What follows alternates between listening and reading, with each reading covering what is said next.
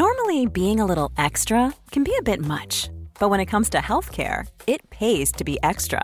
And United Healthcare makes it easy with Health Protector Guard fixed indemnity insurance plans. Underwritten by Golden Rule Insurance Company, they supplement your primary plan, helping you manage out of pocket costs without the usual requirements and restrictions like deductibles and enrollment periods. So when it comes to covering your medical bills, you can feel good about being a little extra. Visit uh1.com to find the Health Protector Guard plan for you. Quality sleep is essential. That's why the Sleep Number Smart Bed is designed for your ever evolving sleep needs. Need a bed that's firmer or softer on either side? Helps you sleep at a comfortable temperature? Sleep Number Smart Beds let you individualize your comfort so you sleep better together. JD Power ranks Sleep Number number 1 in customer satisfaction with mattresses purchased in-store. And now save 40% on the Sleep Number limited edition Smart Bed for a limited time. For JD Power 2023 award information, visit jdpower.com/awards. Only at Sleep Number stores or sleepnumber.com.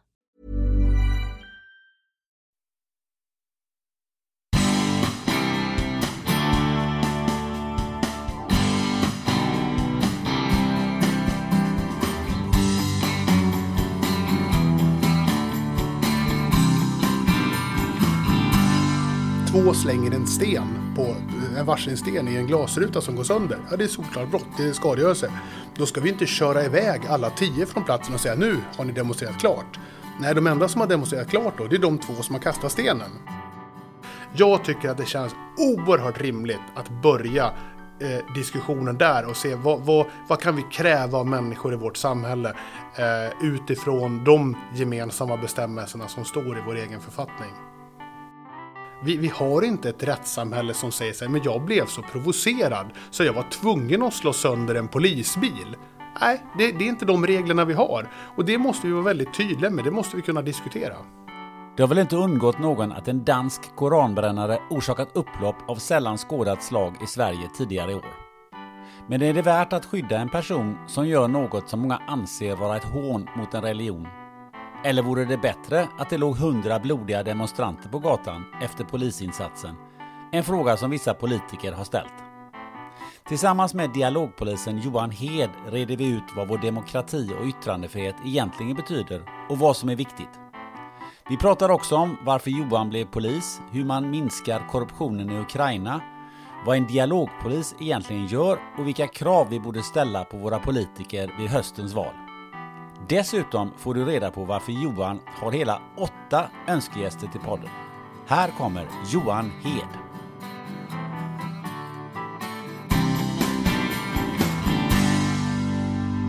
Du, det är ju ruskigt varmt idag. Mm. Eh, jag har tagit på mig shorts.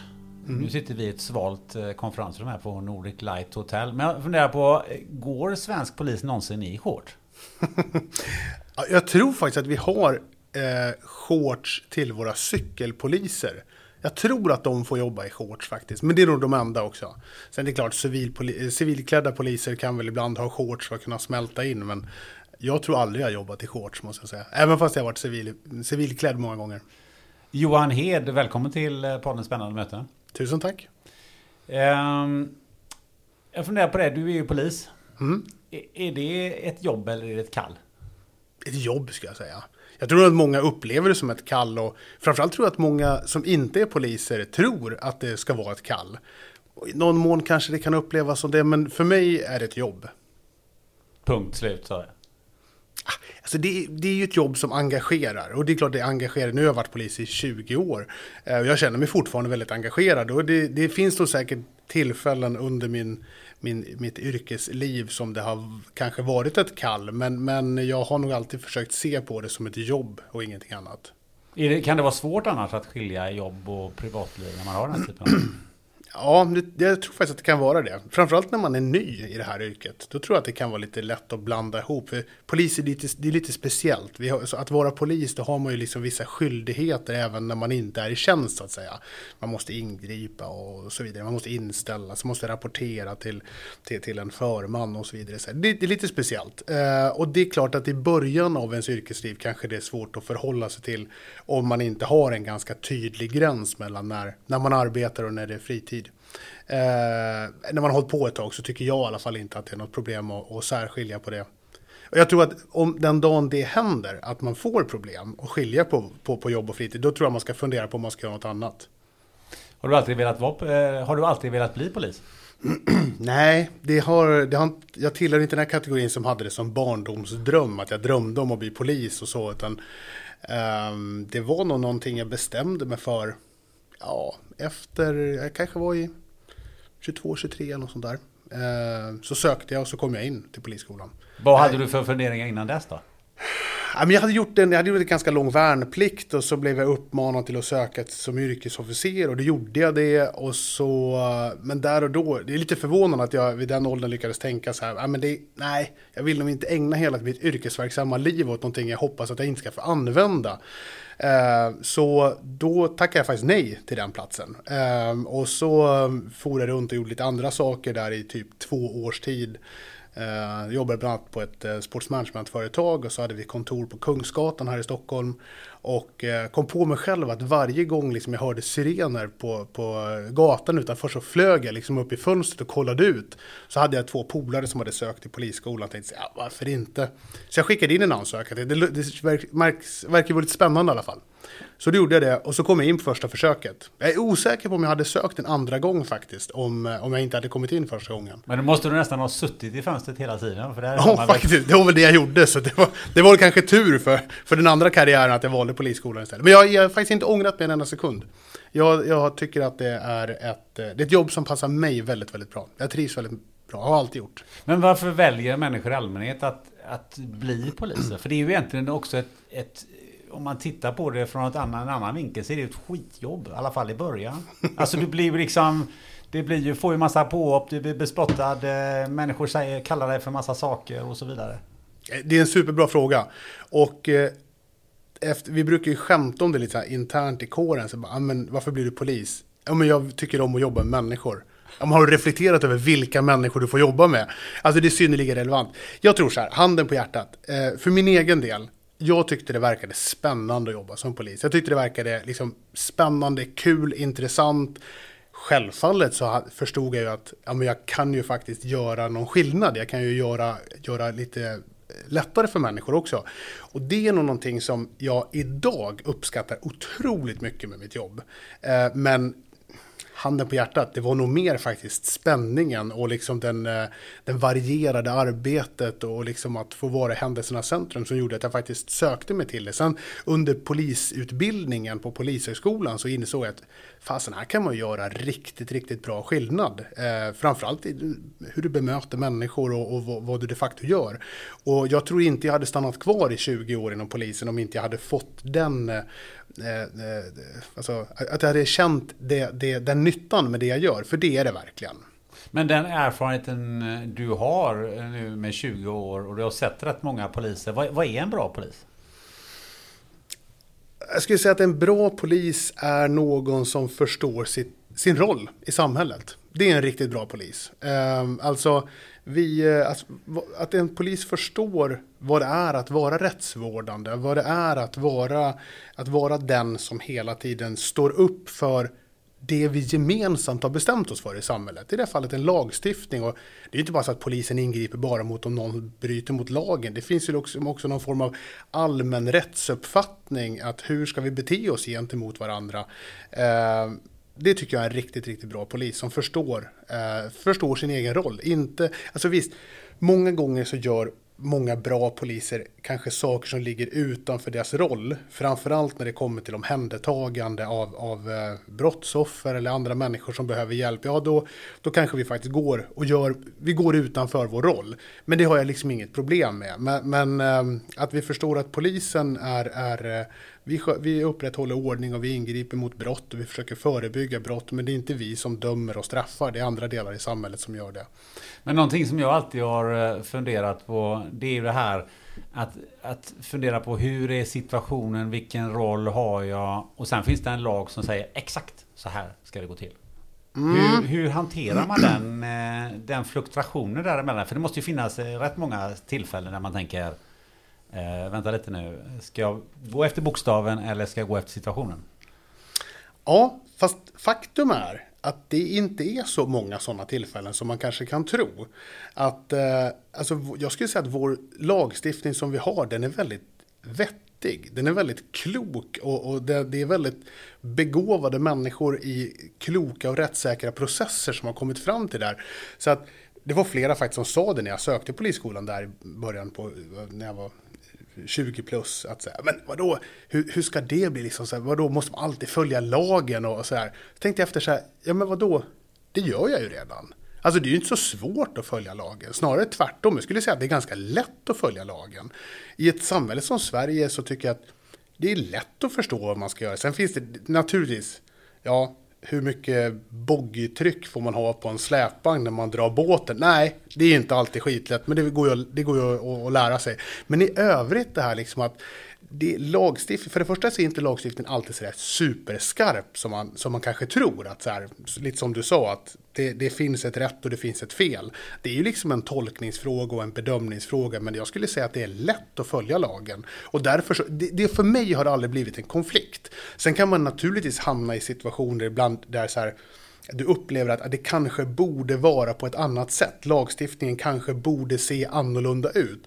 Men då får man ju gå tillbaka till det här, vem är en duktig polis då? Jo, det är den som faktiskt förstår sin, sin roll. I, skulle vi ha en situation där poliser tror att de gör rätt för att de sätter sig över lagen och tillämpar den på ett sätt som de själva tycker vore mer sunt förnuft, då, då är vi riktigt illa ute. Det ska vi inte syssla med. Men finns inte lite den här klassiken att eh, du kör eh, det är 80 på en, på en väg och du har, det är en sommarmorgon och, och det finns inte trafik och du kör i 100. Eller om du kör i 100 när det är spöregn och massa bilar på vägen. Eh, du har fortfarande brutit lika mycket mot den där 80-regeln. Mm. Men om jag inte missminner mig helt och hållet så tar man hänsyn till det när man bestämmer påföljden. Faktiskt.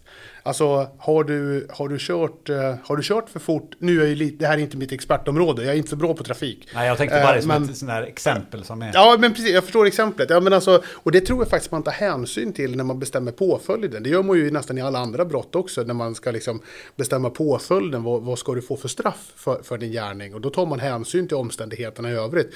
Oaktat om det är ett våldsbrott eller om det är, någon form av trafikbrott. Eh, men hur är det att vara polis 2022 jämfört med när du började? Mm, jag tror att i många delar av, av samhället så är det nog eh, mer påfrestande.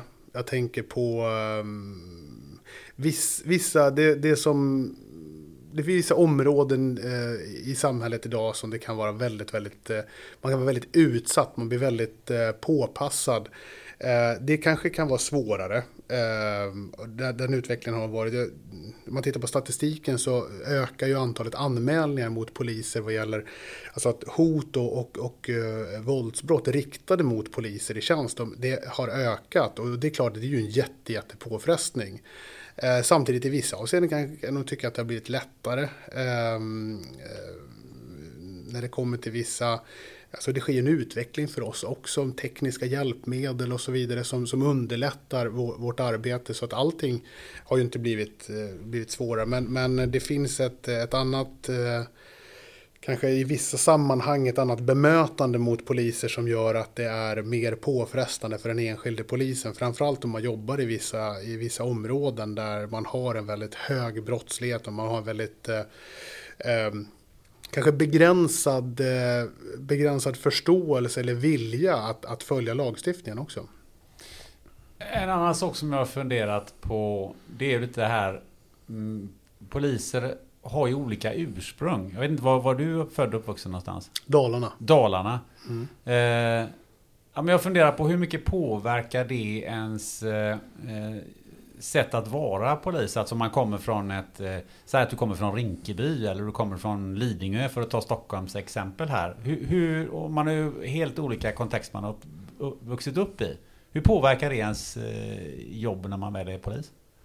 Så jag, tror så här, jag tror det är viktigt att man kommer ihåg att eh, det ska egentligen inte påverka liksom hur du jobbar som polis, hur, vilka beslut du tar, utan då är det ju faktiskt det är ju den lagstiftning som gäller som, som ska styra hur vi beter oss. Men sen var vi kommer ifrån, vilka vi är, ja men det påverkas ju jättestor utsträckning. Och det är ju så, vi är ju inte en konstant person. Vi, alltså jag är ju inte samma person idag som jag var för drygt 20 år sedan när jag började Polishögskolan. Absolut inte. Jag har ju utvecklats. Jag, under de här åren liksom så jag har skilt mig, jag har blivit förälder eh, och, så vidare. Det, det, liksom, det påverkar ju en jättemycket och jag tror att eh, om man kommer som jag från, från Falun i Dalarna så har jag ju liksom en syn på och förståelse för samhället som ser ju annorlunda ut kanske för, för någon som har vuxit upp eh, i, i, ja, men som, i Järvaområdet med två utlandsfödda föräldrar exempelvis. Men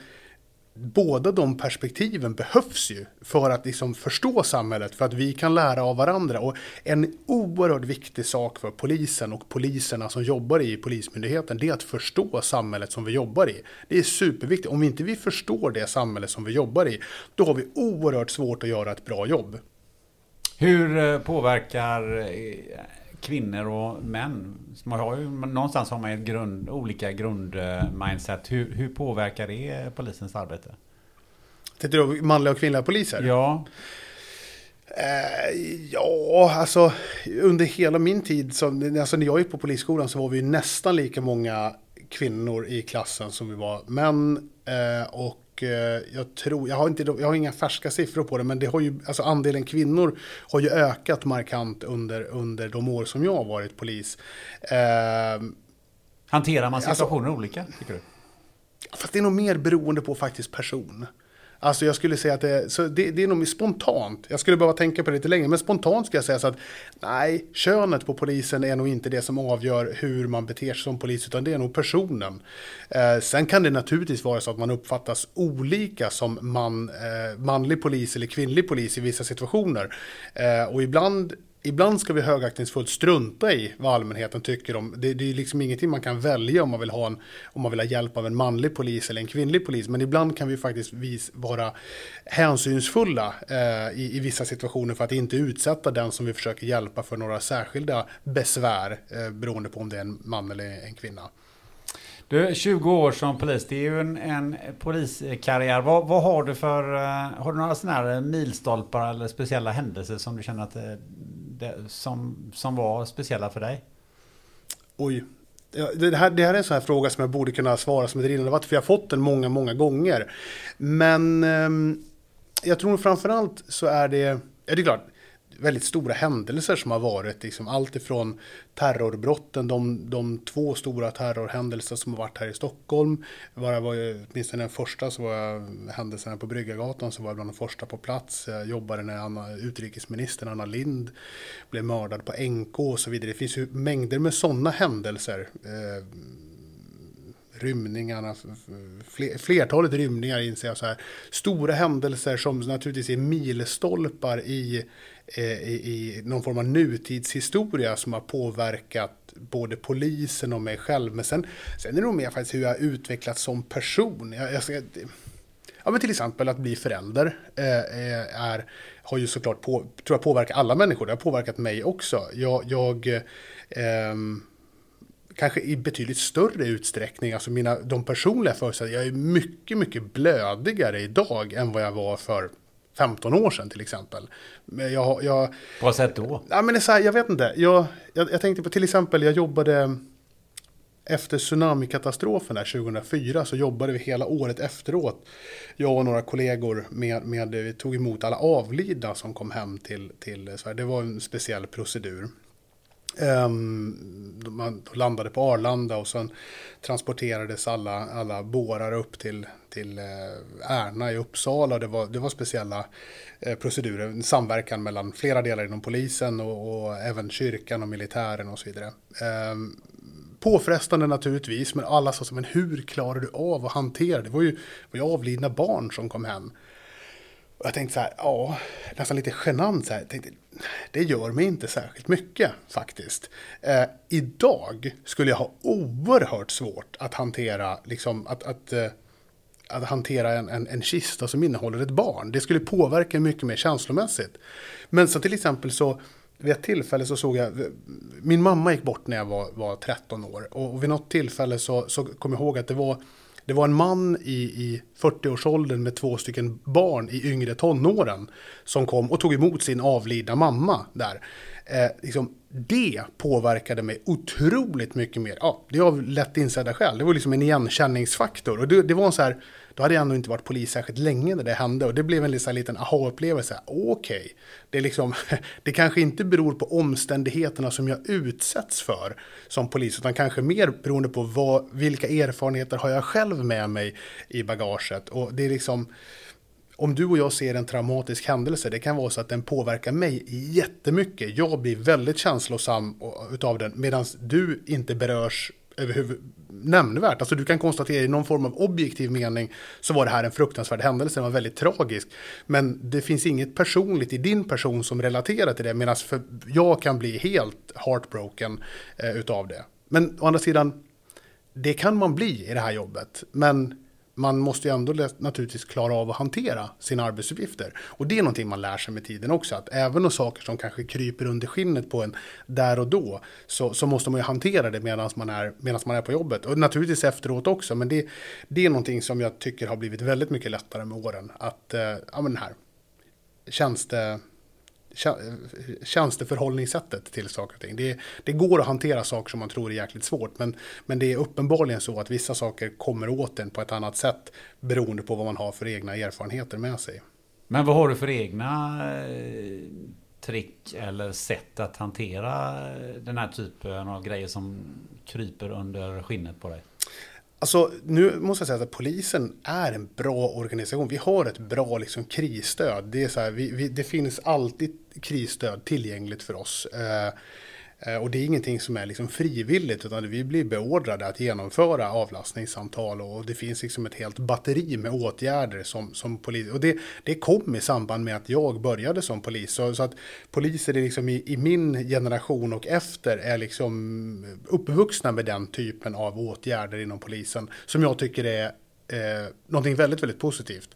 Eh, så att det finns liksom en professionell sak, eh, eller en professionell hjälp att få om man nu skulle behöva det. Sen så tror jag för min egen, om jag har, i någon, den mån jag har något eh, knep, ja men det är nog att snacka om det med, fram, med de som var där. Det, det har hjälpt mig eh, mycket. Eh, sen har jag flera vänner, liksom privata vänner som är poliser också som man kan prata med utan att behöva tänka på vilka uppgifter man får prata om eller inte prata om. En nyfiken fråga bara innan vi lämnar det här eh, tsunamikatastrofen. Varför var polisen inblandad så mycket i, i mottagandet av, eh, av, av de här döda människorna? Ja, men det var allt ifrån hela kedjan med att identifiera avlidna på plats där nere. Det är ju polisens eh, uppgift att göra det. Eh, och sen så biträdde man hela transportkedjan hem då. Eh, och även, där fick vi hjälp av Försvarsmakten och faktiskt även av, av eh, kyrkan hjälpte till med, med omhändertagandet av anhöriga och så vidare. Eh, men det var ju alltså både hanteringen av kropparna och viss godshantering också. Men allting började redan på plats i Thailand med svenska kriminaltekniker som var där nere. En grej som du berättade för mig på lunchen var att du har varit i Ukraina och jobbat. Mm. För inte allt för länge sedan. Mm. Hur hamnar du där? Som, som det ofta blir. Man, någon uppmanar en att söka. Nej, men alltså det var så här, svensk polis har varit i Ukraina och jobbat sedan ja, 2014 eh, för EUs, eh, framförallt för EUs räkning och, och även för eh, OSSEs räkning, OSSE eh, räkning. Um, jag tror OSSE började där det var nog 2015 tror jag. Så att det, det, det, jag och många med mig har varit där. Och OSSE de har ju haft ett eh, monitoreringsuppdrag där att hålla koll på konflikten i östra Ukraina ja, innan kriget bröt ut. Då. Men fram till den 24 februari i år så har man ju, var det det uppdraget man hade. EU-missionen som jag jobbade för hade, är en rådgivande mission. Så vi jobbar med, med rådgivning och utbildning av eh, ukrainska poliser. Vad var dina uppdrag där? Jag jobbar med, med eh, community policing. Så det var alltså mycket brottsförebyggande och eh, alltså, eh, lo, lokalpolisarbete.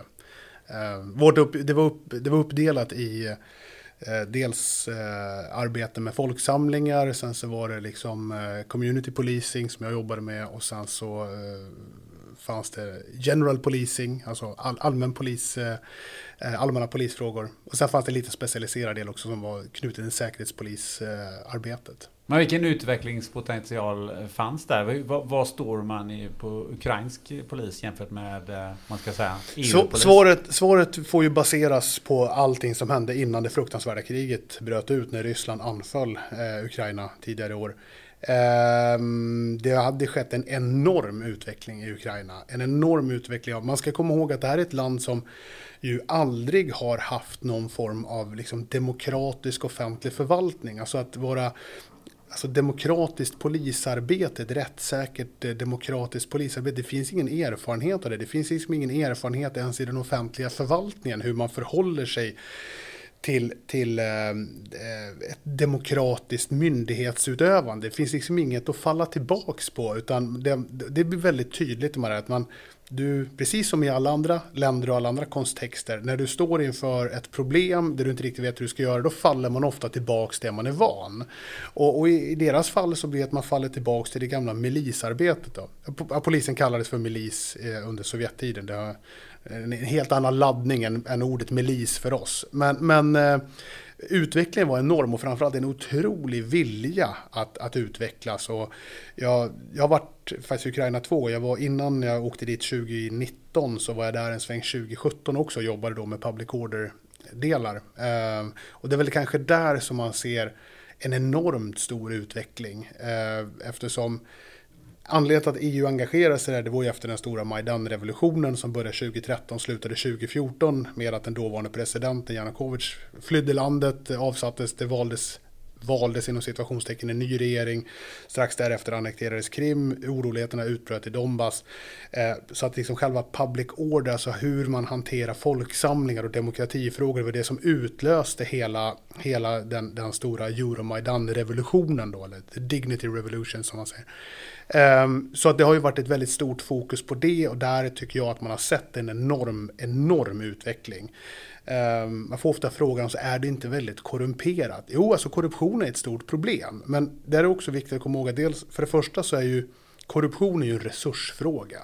Alltså ett, ett land som, ett rikt land som har bra resurser har också råd att betala sina statstjänstemän eller kommunaltjänstemän eh, tillräckligt med pengar så att man inte av det skälet behöver ta mutor. Men sen finns det ett annat viktigt skäl också. Det är att systemet i sig får ju inte vara korrumperat. Alltså det får inte vara så att, att det liksom sen generationer är nedärvt att man måste betala för att får gå till tandläkaren eller får gå till... Om man har, har man officiellt sett en fri läkarvård. Ja men alltså, men om alla är medvetna om att ja, men du måste ändå betala liksom för plåstren och medicinen som du vet, direkt till läkaren, direkt till sjuksköterskan. Alltså då tycker ju folk inte att det är konstigt. Inte ens den som ger pengar eller den som tar emot pengar. Man upplever inte det. Så man, man någonstans intellektuellt vet man att det här är fel. Det är inte så här systemet borde funka, men det är så systemet funkar och då måste man förhålla sig till det. Så att, att, på, alltså att jobba mot korruption handlar ju inte bara om att få människor, individer att förstå att det här är fel. Det handlar ju om att liksom bygga ett helt nytt system som alla människor litar på. Eh, extra tydligt tycker jag det blir när man pratar med sina ukrainska vänner om, liksom, om skatt skatter och vad, vad, hur man ser. För många gånger så skrattar ju även Ukraina åt oss och sen när de får reda på hur mycket skatt vi betalar i Sverige och tycker så här, va, va, det, det, det, det är ju ingen mening med att jobba om man betalar så himla mycket i skatt som ni gör. Ah, kan tycka så, men sen så börjar vi förklara vad vi får för våra pengar. Um, och då förstår de att oj, ni ser ju var era skattepengar går någonstans. Absolut, och framförallt de ukrainare som har varit här och, och sett och tittat i Skandinavien, varit här på, på tjänsteresor och liknande. Nu har de ju tyvärr många fler kommit fast av andra mycket mer tragiska skäl. Det är bara att åka på våra vägar jämför med hur, hur vägarna ser ut i Ukraina. Så, så det blir en sån, man ser deras aha-upplevelse när de inser sig, men oj, okej, okay, ni ser vad ni får för era skattepengar. Ni ser ju vad det går till.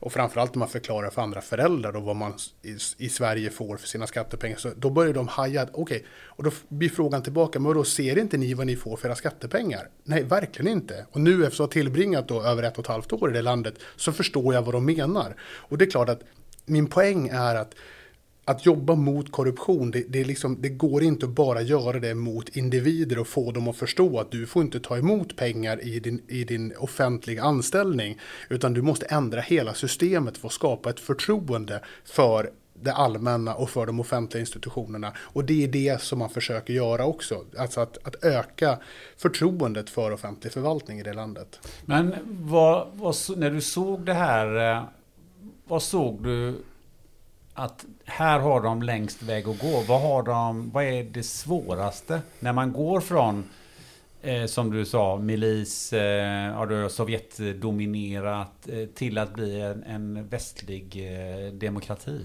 Det, det, är nog faktiskt det korrupta systemet. Det är det som är det svåraste att, att råda bot på helt enkelt.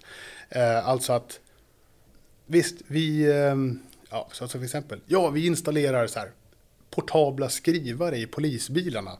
De, tekniskt sett har de kommit ganska långt i Ukraina faktiskt. Det, eh, det, det, det, tror man inte, men det har de. Så att det är inget problem att vi har liksom eh, mobila skrivare i, i polisbilar. Framförallt de som jobbar ute på landet så att de direkt kan skriva ut böteskvitton på böter som, som man betalar till trafikpolisen. Och då loggas ju de här delarna också. Helt plötsligt så bygger du ett system där, där den som får böter faktiskt litar på att du får ett kvitto och sen så vet du om att det här syns i systemet och du vet att det här är inte pengar du betalar till den enskilde polismannen. Det är en sån här bra teknisk lösning. Men om det är så fortfarande att för att få bli chef över trafikpolisen i den här regionen så måste du betala en ganska försvarlig summa pengar för att du ska få bli chef där. För att det är klart att du måste betala för det för att den den chefens chef har ju också betalat för sin tjänst. Och då måste ju den chefen få igen lite grann av sina pengar. För jag menar, det är ju som med alla köp du gör. Du förväntar dig att få tillbaka någonting. Så att återigen, att råda bot på korruptionen i hela systemet. Det är det som är, det, det, det, det kan vara ganska enkelt att få individer att förstå att men i den här funktionen, du får liksom inte ta emot pengar av en person som du har gripit mot att du ska släppa den personen, det, det fattar alla. Framförallt om du har någon form av polisutbildning. Det, det, och det är ganska lätt att få dem att förstå. Men, men sen att råda bot på liksom det genomkorrumperade systemet som egentligen inte bygger på att människor per definition är tjuvaktigare eller har lägre moral. Utan det är så systemet alltid har funkat. Det jag fick höra av, av människor, framförallt äldre ukrainare som har levt stor del av sitt liv i det sovjetiska systemet, de hävdar ju att Eh, den, den, sovjetiska kommunismen var ju det absolut mest korrupta samhällssystem som världen någonsin har skådat. Och det är klart, om det var den rådande eh, liksom, eh, normen när man sen då skulle bygga ett eget land hux flux i början på 90-talet utan någon som helst erfarenhet av hur man, man, man sköter det här. Ja, det är klart att då blev det svårt och då, då återigen, vet man inte hur man ska göra då faller man tillbaka i det gamla systemet.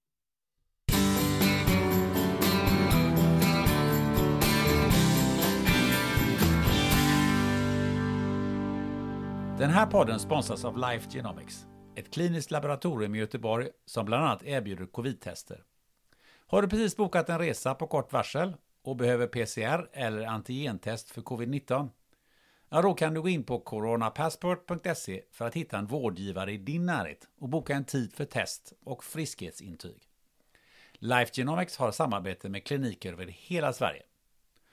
Om du reser från Arlanda eller Landvetter så kan du även testa dig direkt på flygplatsen vid Life Genomics Lab i samarbete med vårdgivaren Express Care. Där kan du få ett antigentest med reseintyg inom 30 minuter och ett PCR-test och reseintyg inom 2 till 4 timmar. Gå bara in på expresscare.se och boka din tid direkt. Tack Life Genomics!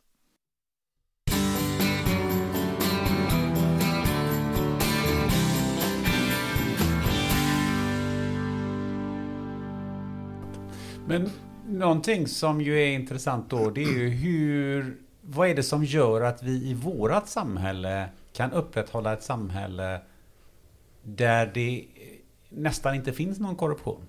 Vad, vad i systemet gör att det faktiskt inte du som polis börjar ta lite betalt för att slippa att den där ska slippa böter eller några sådana där grejer?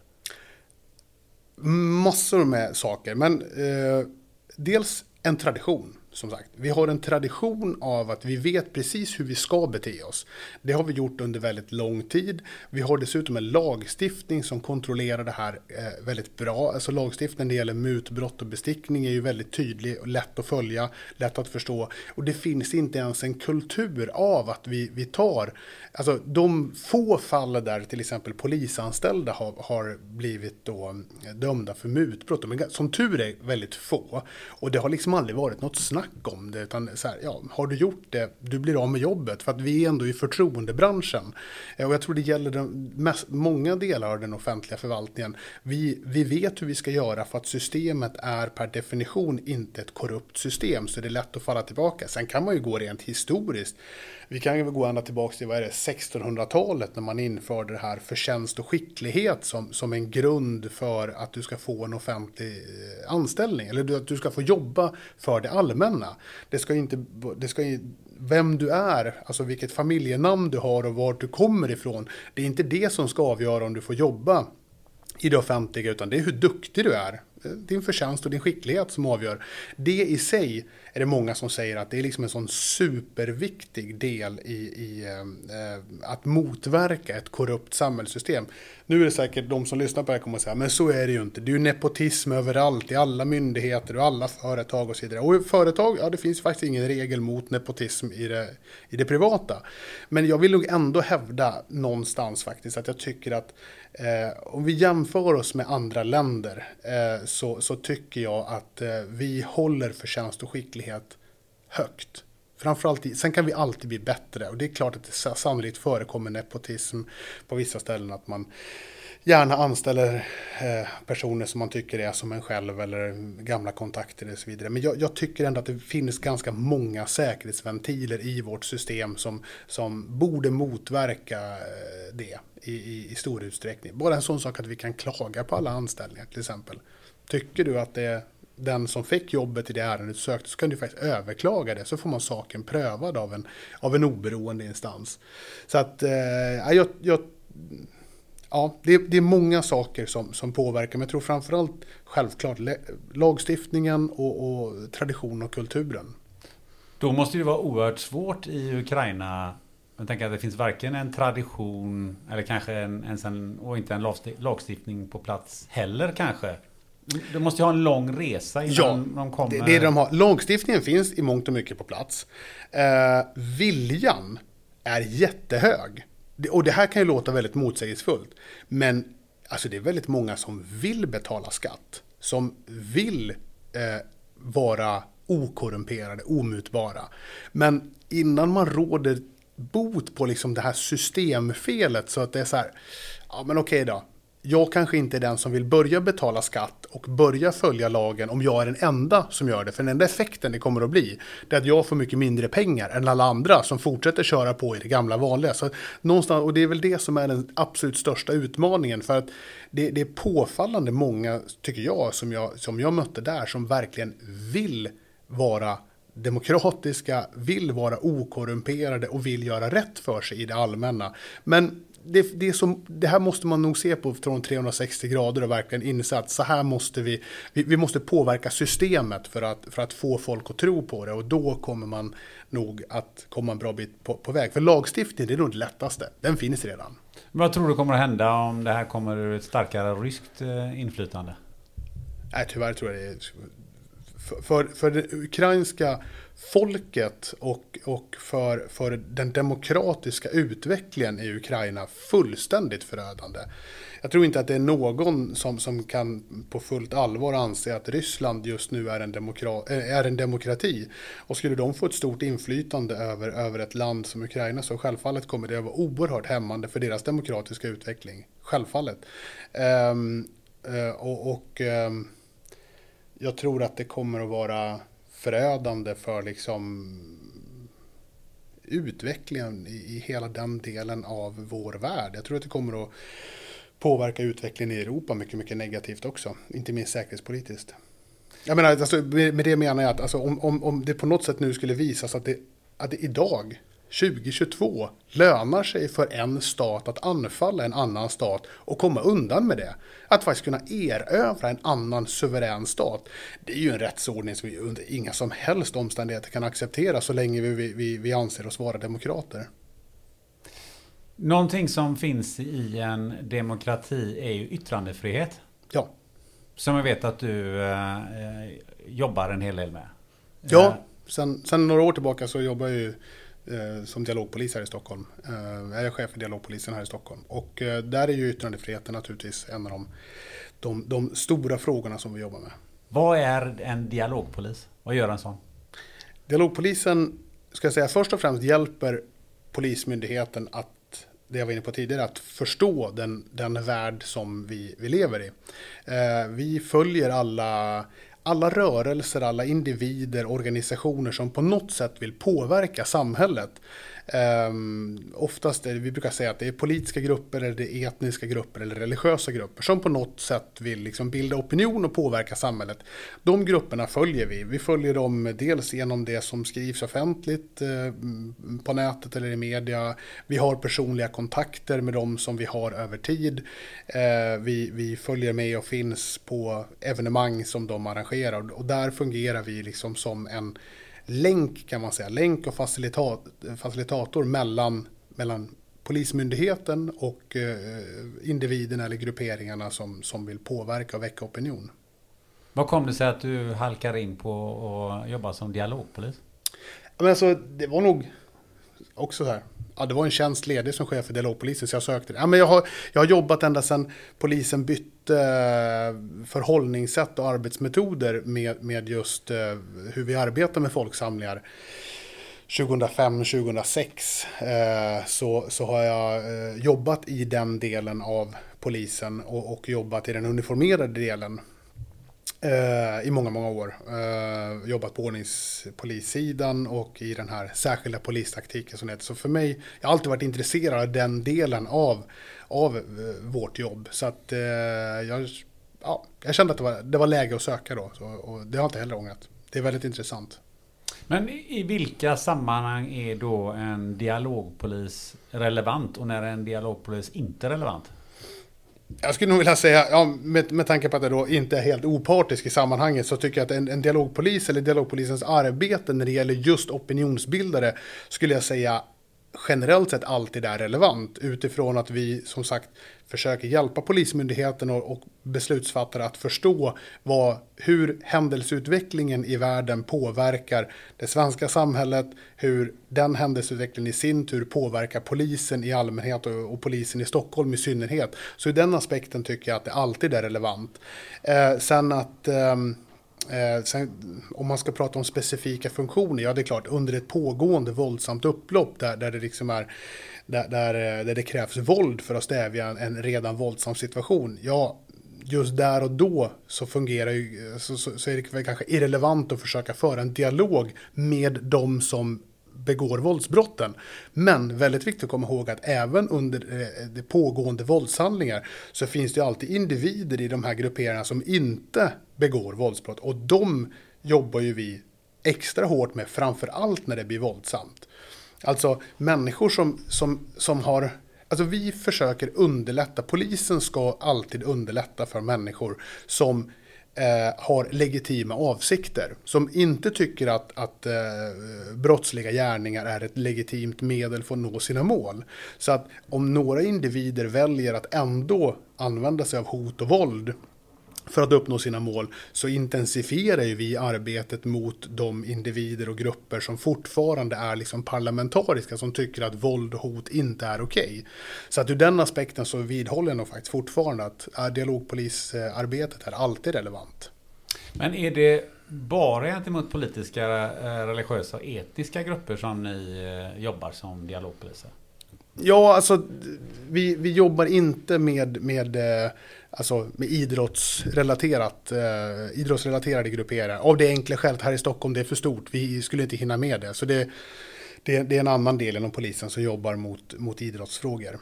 Men eh, jag tänker på att prata med eh, grovt kriminella nätverk eller klaner eller några sådana saker? Att, att försöka upprätta någon sorts dialog med dem? Förekommer det överhuvudtaget och är det dialogpolisens mm. jobb? Alltså, om vi säger så här, den typen av, av, av eh, kontaktskapande åtgärder sker ju, eller ska ske liksom i, i lokalpolisområdet med de områdespoliser som jobbar där. Eh, men här tror jag att det finns en utvecklingspotential definitivt och eh, det pågår faktiskt arbeten om att, eh, att polisen ska bli bättre, att öka sina kommunikativa åtgärder i, i, eh, i fler fall än just bara när det gäller etniska, politiska och religiösa grupper. Det finns redan idag med, eh, polisiära metoder där man använder kommunikativa insatser mot individer eh, i miljöer som du nyss beskrev. Eh, men här pågår faktiskt ett utvecklingsarbete eh, jag kan, jag kan gärna kommentera det mer om ett år, för då vet jag lite mer. Vi kommer att vara involverade i det arbetet till viss del. Men hur sugna är de här eh, grupperna, de här människorna som ni, som ni försöker nå? Hur sugna är de att prata med överhuvudtaget? I och med att vi vänder oss till de som är parlamentariska, de, de, som, de som vill göra rätt, de är väldigt, väldigt sugna på. Vi brukar faktiskt säga så här att vi pratar med de grupper som alla andra pratar om. Påfallande ofta så, så, så vill man prata med polisen. Eh, och det är väl också av det enkla skälet att det pratar man med, med oss, pratar man med polisen så får man ju faktiskt klart för det blir lätt lättare att uppnå sina syften. För att om man, om man väljer en parlamentarisk väg så är det polisens uppgift att se till att underlätta för de här individerna. Så länge man följer lagen så ska polisen hjälpa till. Det är det en, eh, att, att de här grupperna ska nå ut med sitt budskap, ska kunna föra sin upplysning, sin diskussion, sin, sin påverkan.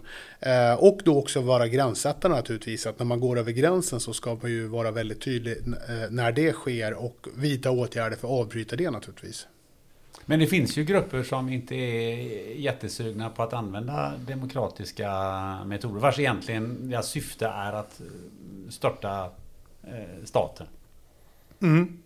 Även de grupperna brukar prata med oss faktiskt. De pratar ändå? Jag ska inte säga att alla alltid gör det, men, men, men påfallande ofta och i större utsträckning vad folk eh, gemen tror, så vill de också prata med oss. Men hur ser ett sånt kontaktskapande arbete ut från er? Om ni, om ni ser en sån typ av, av grupp, hur, ja. hur går det till mer i detalj? Ringer ni upp den? Den här verkar ju... Han kan vi snacka med. Ja, alltså ofta så... Det, de grupper som ofta syns ute på stan, det är ju, det, det är inga dagsländor. Det är ju inga som har kommit... Det, det sker ju alltid att det kommer nya frågor, grupper, nya, sak, eh, nya sakfrågor eller fenomen som, som intresserar folk som vill påverka samhället. Eh, i den delen så börjar vi med att för det första förstå vad är det som händer. Varför händer det här just nu? Och varför är det just de här individerna, de här grupperingarna som, som, som gör det de gör? Och sen tar vi kontakt med människorna. Det, det, vi kan ta kontakt på många olika sätt. Men det viktiga är, vi gör det alltid helt öppet. Vi är alltid helt transparenta med vilka vi är. Det finns liksom ingen du har ingen möjlighet att ha någon form av dold kontakt med dialogpolisen eller föra några liksom förhandlingar under bordet eller något sånt där. Allt, vi, är, vi är motsatsen till en hemlig polis. Vi är nog den mest öppna och, och eh, transparenta delen av polisen som finns. För att pratar du med oss så, så är det öppen information som vi kommer att dela med resten av polisen eh, och, och eh, den information som vi för från polisen gentemot de andra är såklart också öppen information. Så det, det är en väldigt viktig del för oss att ha en, att vara väldigt förutsägbar och att vara väldigt transparenta. Och att vara förutsägbar, det är ju någonting som alla demokratiska polismyndigheter faktiskt måste vara. Eh, dels en transparens, det finns ju till och med i vår lagstiftning med offentlighetslagstiftningen och så vidare. Och sen att vi ska vara förutsägbara, ja det ju väldigt, väldigt viktigt. När man jobbar, till exempel som vi gjorde i Ukraina och i andra delar av världen där vi försöker hjälpa poliser att, att bli mer demokratiska så brukar man ofta säga att man vill undvika the surprise factor. Att, att, alltså det vill säga människor ska, ska inte bli förvånade över varför polisen gör som de gör. Utan vi ska ha den goda kommunikationen och dialogen med, med samhället så att man förstår klart och tydligt att här är en grupp människor som vill uttrycka sin åsikt. De väljer att göra det inom lagens råmärken och alltså hjälper polisen dem oaktat vilka åsikter de har. Men så länge de inte är kriminella åsikterna eller metoderna som de förs fram på, så underlättar polisen, en demokratisk polis underlättar alltid för alla som vill utnyttja sin yttrandefrihet. Men om man väljer då att ändå kliva ur den ramen och begå ett brott, då ska det inte vara någon överraskning att polisen kommer att vidta åtgärder för att förhindra det eller för att avbryta det beteendet. Det är att vara förutsägbar helt enkelt. Jag vet att du har sagt att ni jobbar med konfliktreducerande principer. Mm. Vad är det för någonting? Alltså det, det är ju någonting, inget som varken dialogpolisen eller polisen själva har kommit på, utan det bygger på forskning helt enkelt om, om vad som, vilka, vilka förhållningssätt och vilka metoder som faktiskt fungerar konfliktreducerande på människor i de här sammanhangen. Um, och där, där om man säger så, om vi börjar den änden, det som jag varit inne på tidigare, det allra, allra viktigaste det är ju kunskapen. Det är ju att återigen, dels förstå hur ditt samhälle fungerar, förstå vilka regler det är som styr ditt samhälle och sen förstå vad det är som händer i samhället. Vilka människor har vi i samhället? Eh, vilka sociala identiteter har alltså, Sociala identiteter är också väldigt viktigt att förstå och det är en led i det här kunskapandet. Att, jag menar, just nu så sitter du och jag här i våra yrkesroller. Eh, vår sociala identitet som vi har i det här sammanhanget är våra yrkesroller. Skulle du nu bor du på, på, på ena sidan av uh, Sverige och jag på andra så det är inte så stor chans att vi håller på samma fotbollslag till exempel. Men det spelar ingen roll. Om vi går och kollar på fotboll tillsammans, ja men då kanske vi faktiskt ikläder oss en annan social identitet. Och vi kläder oss liksom rollen av fotbollssupportrar eller hockeysupportrar eller folkrace-supportrar i den mån det finns sådana. Alltså, eller om vi är med våra familjer så kanske vi kläder oss rollen som pappor eller, eller mor och farföräldrar eller vad det nu må vara. Alltså, och det är väldigt viktigt att förstå att en människa har flera olika sociala identiteter och i vilket sammanhang, vilken social identitet är det som, som, eh, eh som gäller för den här individen i vilket givet sammanhang. Exempelvis jag tar mig själv som ett exempel. När jag jobbar som polis och min sociala identitet är att jag är polis så har jag ju en helt annan toleransnivå för hur folk hur jag kan bli bemött ute på stan. Jag, jag, har ju liksom, jag har ju en förståelse och en acceptans för att folk kan kritisera mig i min yrkesroll, i, i, i vad jag gör, var jag befinner mig någonstans. Quality sleep is essential. That's why the Sleep Number smart bed is designed for your ever-evolving sleep needs. Need a bed that's firmer or softer on either side? Helps you sleep at a comfortable temperature? Sleep Number smart beds let you individualize your comfort so you sleep better together. JD Power ranks Sleep Number number 1 in customer satisfaction with mattresses purchased in-store. And now save 40% on the Sleep Number limited edition smart bed for a limited time. For JD Power 2023 award information, visit jdpower.com/awards. Only at Sleep Number stores or sleepnumber.com. Normally, being a little extra might be a bit much, but not when it comes to healthcare. That's why United Healthcare's Health Protector Guard fixed indemnity insurance plans, underwritten by Golden Rule Insurance Company, supplement your primary plan so you manage out-of-pocket costs. Learn more at uh1.com. There's never been a faster or easier way to start your weight loss journey than with PlushCare PlushCare accepts most insurance plans and gives you online access to board-certified physicians who can prescribe FDA-approved weight loss medications like Wigovi and Zepbound for those who qualify. Take charge of your health and speak with a board-certified physician about a weight loss plan that's right for you. Get started today at plushcare.com slash weight loss. That's plushcare.com slash weight loss. plushcare.com slash weight loss.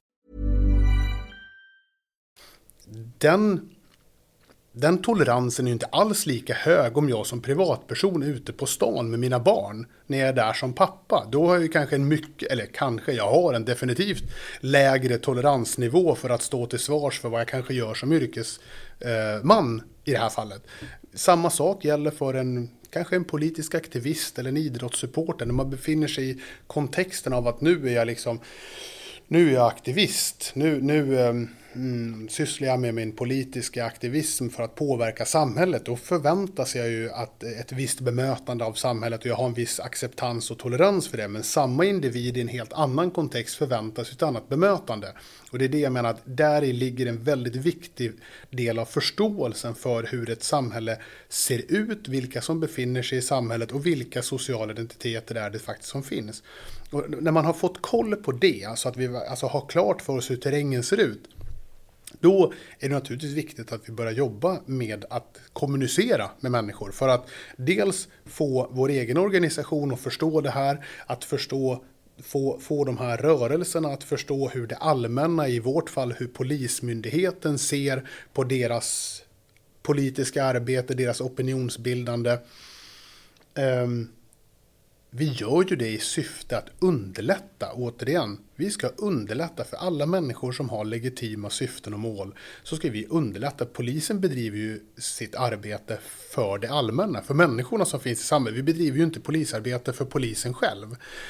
Um, och då är det viktigt att, att, att vi faktiskt visar det på ett konkret sätt också, att vi faktiskt underlättar för, för, för, för de som vi ska underlätta för.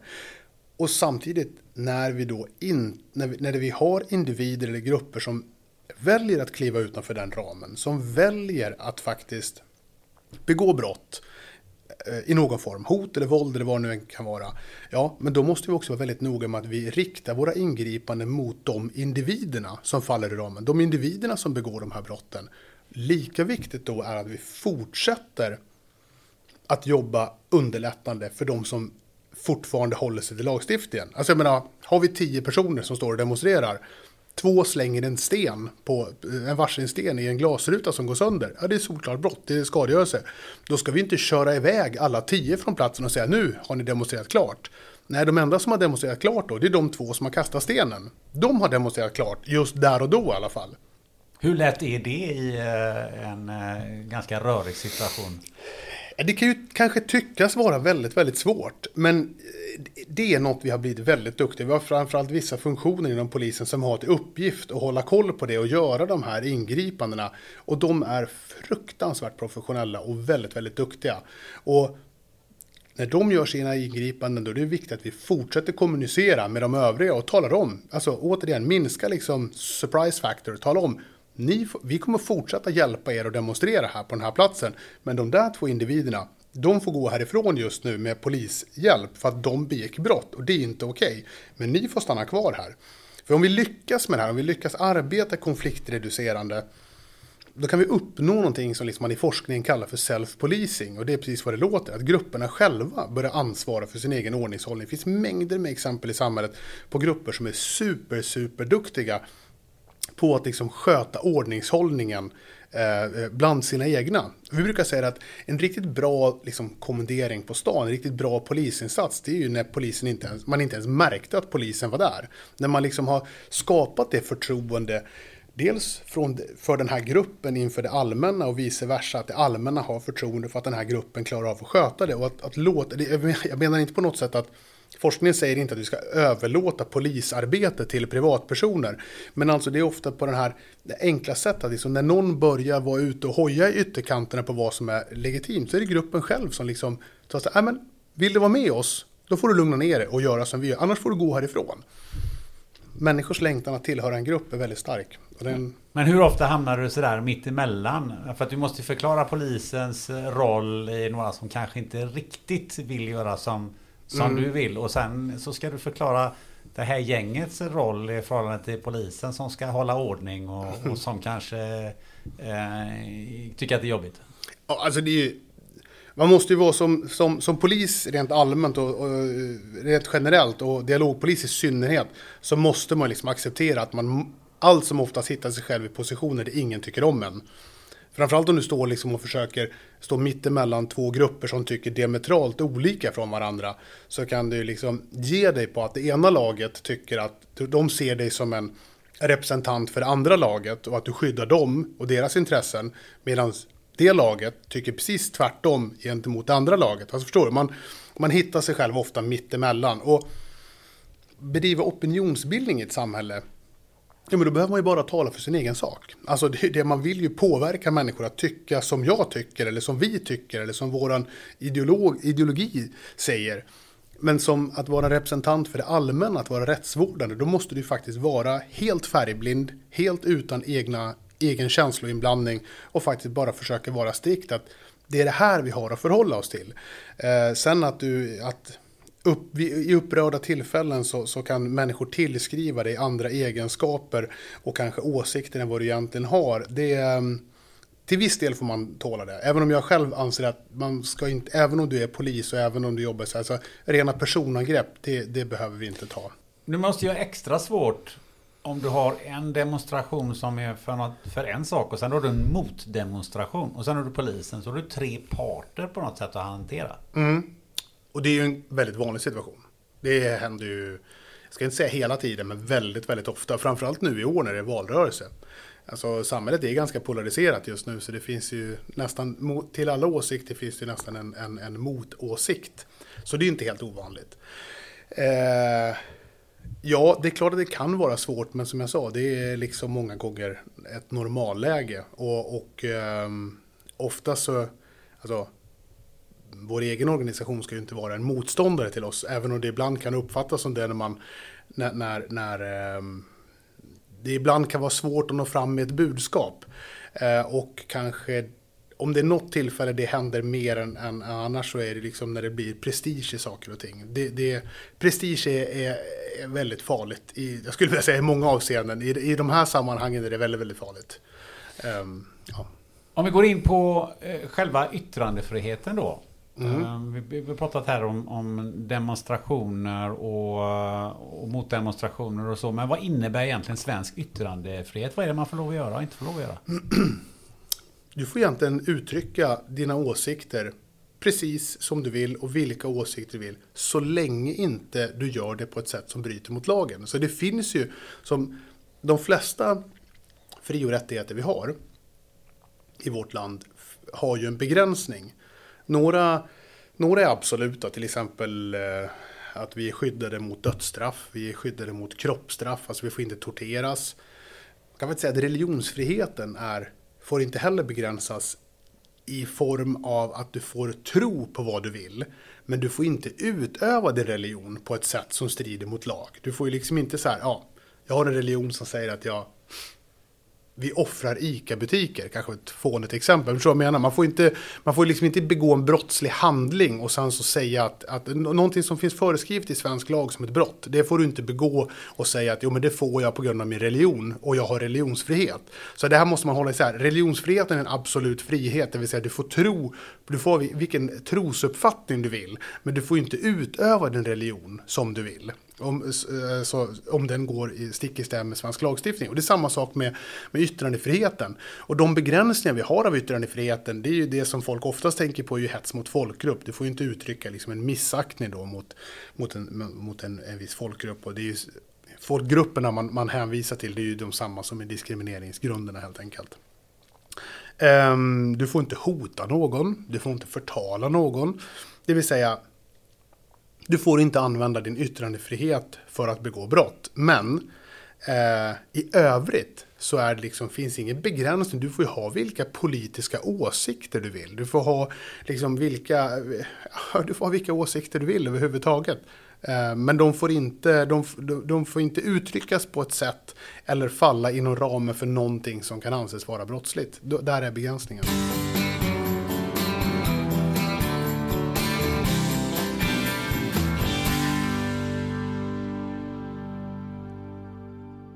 Väntar du eller någon i din närhet barn? Ja, då kanske ni har funderat på om det finns en sannolikhet att fostret har en kromosomavvikelse. Porrens sponsor Life Genomics erbjuder Harmony NIPT, ett genetiskt fostertest med väldigt hög precision för att upptäcka de vanligaste kromosomavvikelserna. NIPT görs på ett enkelt blodprov från mamman som utförs på labbet i Göteborg. Gå in på hemsidan fostertest.se och läs mer. På fostertest.se så hittar du också din närmaste vårdgivare som erbjuder NIPT-test. Life Genomics erbjuder även andra tester som covid-19 PCR inför exempelvis din resa eller andra möten. Dessutom erbjuder Life Genomics ett kvantitativt antikroppstest för covid-19 som påvisar aktuell immunstatus. Mer information hittar du på lifegenomics.se. Tack Life Genomics!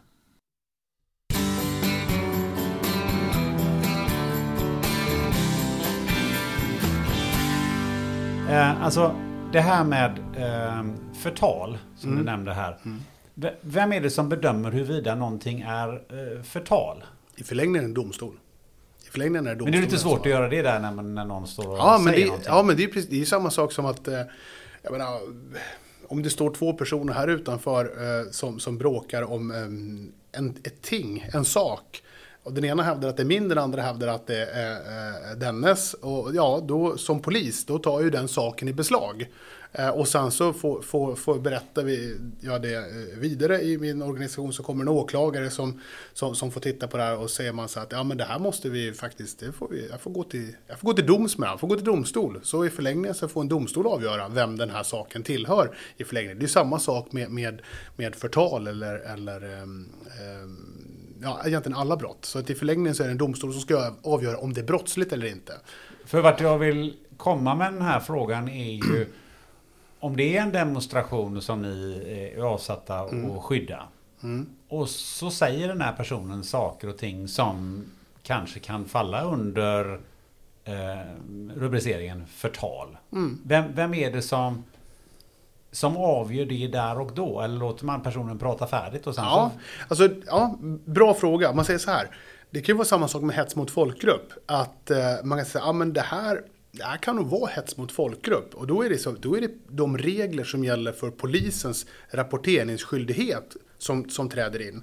Så länge det finns liksom anledning att, anta att ett brott som hör under allmänt åtal har begåtts, då måste polisen rapportera det vidare. Och det gör man ju vanligtvis genom att man skriver en polisanmälan. Och sen så granskas det av en förman och sen så kommer det till en åklagare i slutändan som bestämmer vad man ska göra med det här. Om, om, det här, om åklagaren delar uppfattningen om att det här är brottsligt, och då får åklagaren bestämma om man ska, man ska ta det till en domstol och få saken prövad där. Och det är precis samma sak. Sen som jag frågade du är ute efter, att när avbryter man en demonstration på grund av att det är brottsligt? Ja, man säger så här, rätten att uttrycka sig är ju som sagt, den är väldigt stark. Eh, så att om det är liksom kantboll på sig. Man säger, ja, det skulle nog kunna vara till exempel hets mot folkgrupp. Ja, men man låter ändå liksom vederbörande få använda sin, sin, sin fri och rättighet att uttrycka sig. Så dokumenterar man klart och tydligt vad det är som sägs, under vilka omständigheter och sen så får den saken prövas rättsligt. Sen kan det ju finnas saker där, man, där det väldigt klart och tydligt framgår att det här är solklart att det är hets mot folkgrupp. Det är fortfarande så att det är inte polisen som avgör i slutändan om det är brottsligt eller inte. Men då man kommer inte av, eller vi avbryter inte hela sammankomsten, men vi skulle kunna avbryta liksom en brottslig gärning genom att låta den som för stunden talar få avbryta sitt tal och lagföra den individen, det vill säga rapportera den personen. Men, men det är inte detsamma som att vi upplöser hela den allmänna sammankomsten, alltså hela demonstrationen. Någon annan kan få ta vid och fortsätta prata. Vad är det för kriterier för att man ska få lov att demonstrera? Eller Eh, sagt, inte demonstrera? Ja, bra fråga. Alltså, man säger så här. Grunden är att alla får alltid demonstrera när de vill och var de vill. Det är grunden i ett samhälle.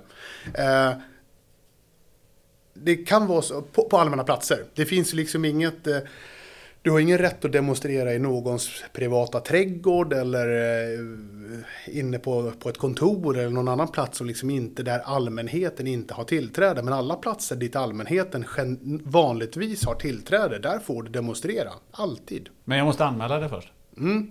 Eh, egentligen så kan man säga så här, du som, om du arrangerar en, en, en demonstration, en allmän sammankomst som det heter, då, då måste du söka om ett tillstånd för det hos polisen.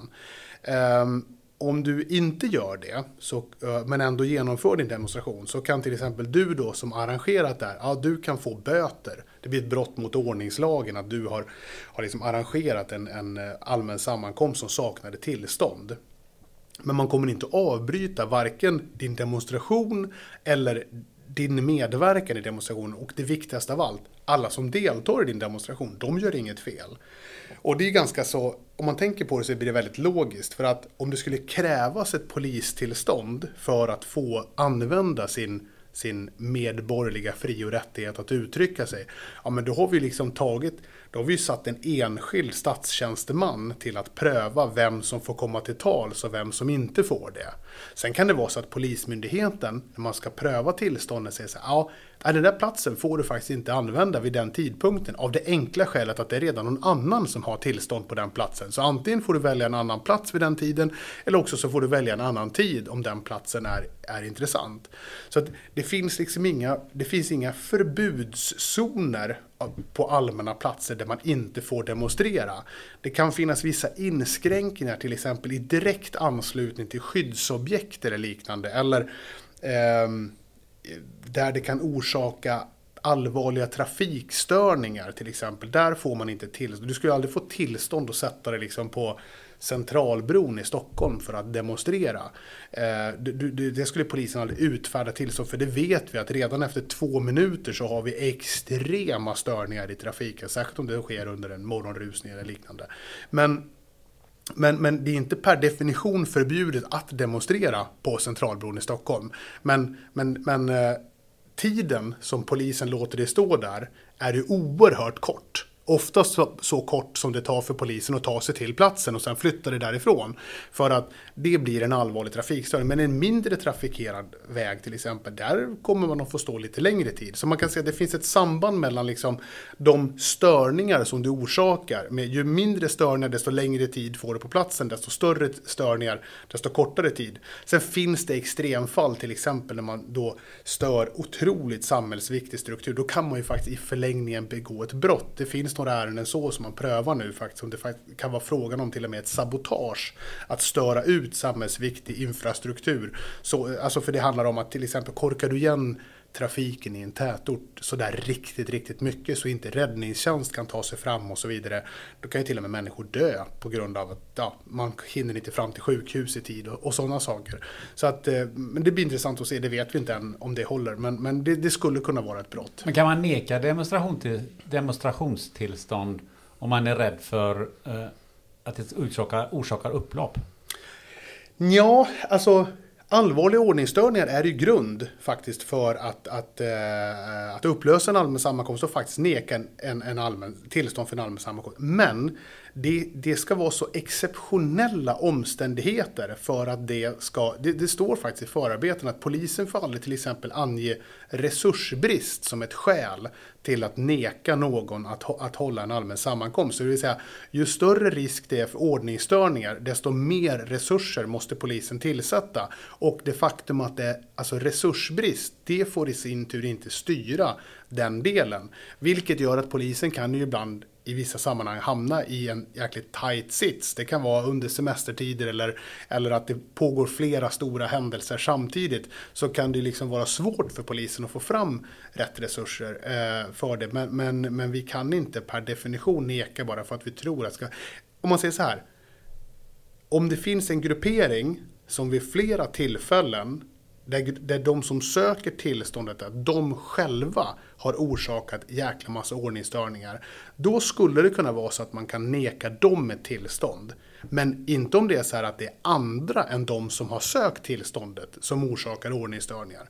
Alltså om du söker ett tillstånd och det blir en jäkla massa människor. Alltså om, om du söker tillstånd och håller en manifestation där dina meningsmotståndare beter sig riktigt illa och orsakar enorma ordningsstörningar. Så kan ju inte det hindra, det ska inte hindra dig i fortsättningen. Du ska fortfarande få det till som för du har inte stört ordningen. Skulle vi göra det, att vi låter andra kunna störa ut vissa politiska aktörer, då, då, det är något som vi brukar prata om häcklarens veto. Då får ju den som häcklar ett veto att bestämma vilka åsikter som, som, som får förekomma. Och då kommer man in på en viktig sak som ju pratas ofta om massmedialt.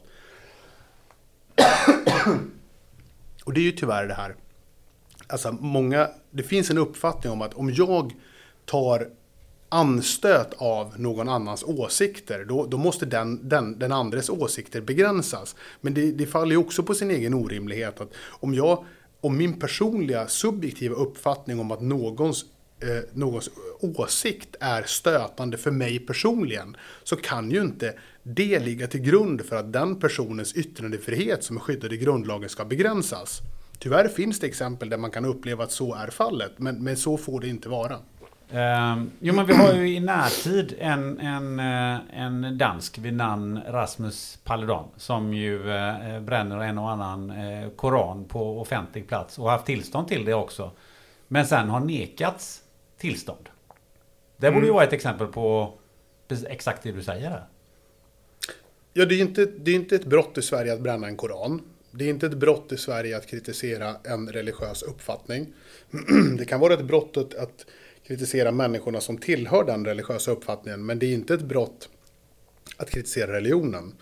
Eh, och så länge man inte har begått ett brott eller stört den allmänna ordningen så ska ju inte den personen, i det här fallet Rasmus Paludan, ska ju inte begränsas i sin yttrandefrihet. Och det finns ju nu, kommer flera och flera eh, utlåtanden från, från förvaltningsdomstolar runt om i landet som talar om att så ska det vara. Du har ju ändå eh, skapat väldigt mycket upplopp och några har blivit oerhört arga. Eh, har man någonsin funderat på om det här är, skulle vara någon sorts eh, eh, vad ska man säga, hets mot folkgrupp eller förtal eller någonting sånt? För jag misstänker att det är så det uppfattas av de som, de som inte tycker att han ska... Att bränna, att bränna en koran är prövat flera gånger i svenska domstolar om det är att se som, som hets mot folkgrupp. Resultatet blir detsamma varje gång. Det är inte att se som hets mot folkgrupp enligt svensk lag. Det finns alltså ingen, det finns ingen, varken någon bok eller någon flagga eller någon, någon pryl som har ett särskilt rättsskydd i Sverige i, i den delen. Varför blir människor så väldigt arga på honom? Den, den frågan måste jag ju passa till de som faktiskt blir arga på honom. Men du har uh, kanske haft dialog med dem? Absolut, det har jag haft. Vad, vad säger de? Alltså jag, jag, vill, jag vill ju helst inte tillskriva andra människor eh, några åsikter. Det, det får de redogöra för själva.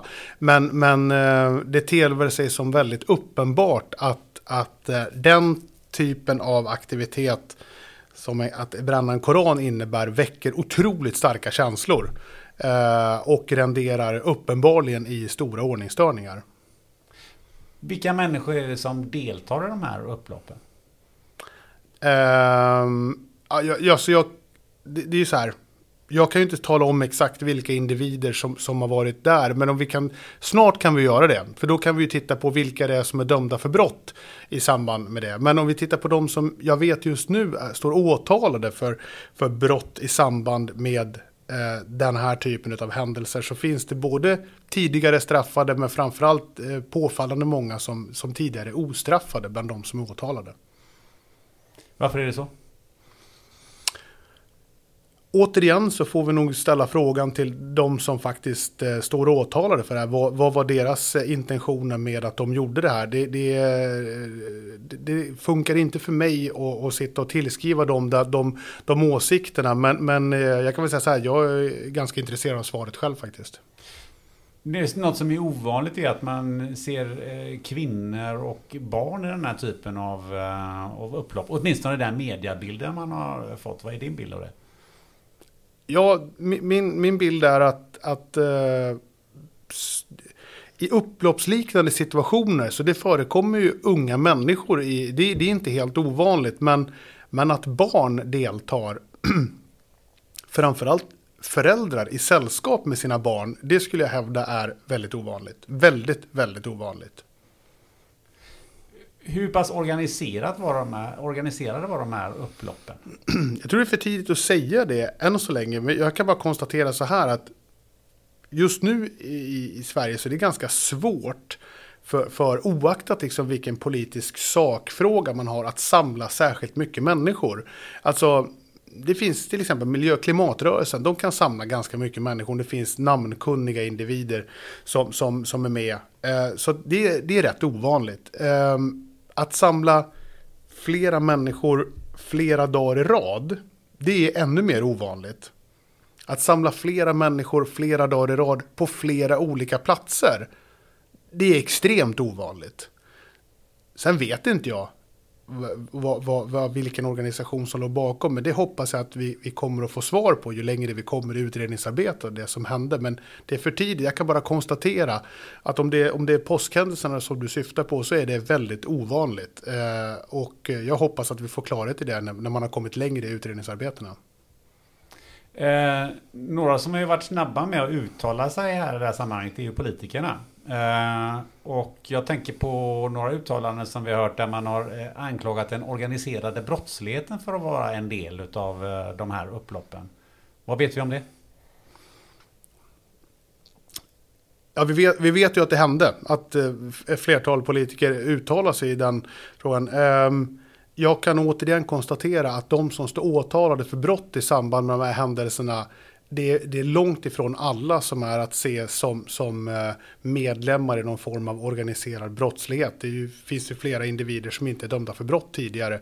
Så den, den slutsatsen känns, eh, jag skulle vilja säga, ödmjukt eh, och, och um, bara funderande. Den känns en smula förhastad att säga. Eh, det vet vi inte än, men jag kan ju konstatera krasst att det är inte alla som är misstänkta för brott som är dömda sedan tidigare. Och det borde man väl rimligen vara om det är så att man är en del av ett organiserat nätverk. Av egen reflektion så känns det ju lite konstigt om man tillhör en organiserad brottslighet som vill eh, hålla på med narkotikahandel eller vad man, vapenhandel eller vad man nu håller på med. Och samtidigt ger sig in i den här typen av eh, av upplopp eller demonstrationer? Det känns som att det är lite ut, utanför den vanliga verksamheten.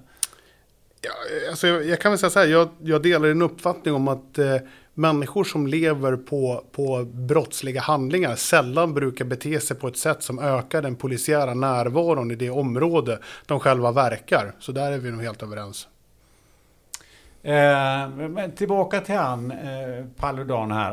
Eh, han ser förfärligt ensam ut där och ser förfärligt många poliser runt omkring. Och, och har du förståelse för att en del eh, i Sverige, vi var tillbaka med skattebetalare, tycker liksom att oj, vilken enorm resurs man lägger på att det ska stå en gubbe, eller kanske några fler, jag vet inte, men som står bakom ett kravallstängsel och bränner en, en koran och ni kanske, jag vet inte hur många ni var på vid sådana här tillfällen för att, för att skydda den här personen.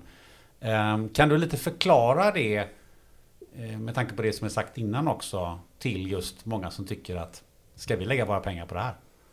Vi skulle inte behöva lägga några pengar alls om ingen kastade sten. Det, det, alltså, det är klart att jag har förståelse för att människor har synpunkter på allting. Och det ska människor ha. Människor i vårt samhälle ska ha en jäkla massa synpunkter på vad polisen gör med sin tid, hur vi använder våra resurser. Men här är det väldigt viktigt att hålla perspektiven väldigt klara för sig. Alltså, polis, en, en polisiär närvaro och polisiära resurser, de påverkas av de, de liksom hot mot ordning och säkerhet och brottslighet som förekommer. Alltså ju fler brott som begås eller befaras begås, desto fler poliser måste det ju vara. Och återigen, så länge man använder sin grundlagsskyddade rättighet att uttrycka sin åsikt utan att begå brott så har man rätt att göra det och polisens uppdrag är att skydda de som vill använda den, den rättigheten. Eh, de som begår brott, det är väldigt klart och tydligt, de kommer polisen att ingripa mot och vi kommer att göra vårt yttersta för att förhindra den. Um, om vi tar det här med, med den här typen av folk folkmassor och, och den här typen av upplopp. Vad är, vad är det som är, vad är mest utmanande här? Förutom att man ser att det begås uppenbarligen våld. Men, men att hantera en sån situation. Vad tänker du på generellt sett? Våldsamma folksamlingar? Ja, alltså det är, ja precis. Ja, men om man säger så här. För det första så är det en utmaning att eh, faktiskt förstå att en folksamling per definition inte är våldsam. Det är väldigt viktigt. En, en folksamling är per definition inte så att individerna som ingår i den folksamlingen liksom på något sätt förlorar vettet och blir alldeles tokiga på grund av att de är en folksamling. Människor kan bete sig ibland som att de har förlorat vett och sans i en folksamling. Men det gör man inte på grund, bara på grund av att man är en stor samling av människor på en och samma plats. Det är andra mekanismer. Så att en utmaning är att liksom förstå och, och kanske få både allmänhet och, och eh, myndigheter och andra aktörer att förstå varför händer saker och ting. Och det är väldigt viktigt. Och om man då kan säga så här att om vi, även om vi blir väldigt provocerade av någon annans åsikt, så ger ju det oss inte rätten att begå våldsbrott. Varken mot den som uttrycker åsikterna eller mot poliserna som har till uppgift att skydda den som använder sin, sin, sin yttrandefrihet. Det finns absolut inget, inget skäl för det. O, alltså det finns inget stöd i lag för att begå våldsbrott på grund av att man blir provocerad av någons uppfattning. Det, det, det, det är jätteviktigt att komma ihåg och, och det, det är en stor utmaning att förstå, och, och, och förstå varför saker och ting händer eh, vid en plats i en viss kontext och sen att sprida den kunskapen. Men just vad, vad gör man innan? Vilken koll har man på den här folksamlingen innan så att den inte blir eh, våldsam eller att man kan misstänka att det blir våldsamma upplopp? Vet man det redan innan ofta? Ja men det är klart att det, det, det, vi vet ju naturligtvis att vilka grupp, alltså olika grupperingar har ju i, det finns olika mängder med människor i vissa grupperingar som faktiskt tycker att hot och våld är en acceptabel metod. Eh, de personerna vill oftast inte prata med polisen överhuvudtaget.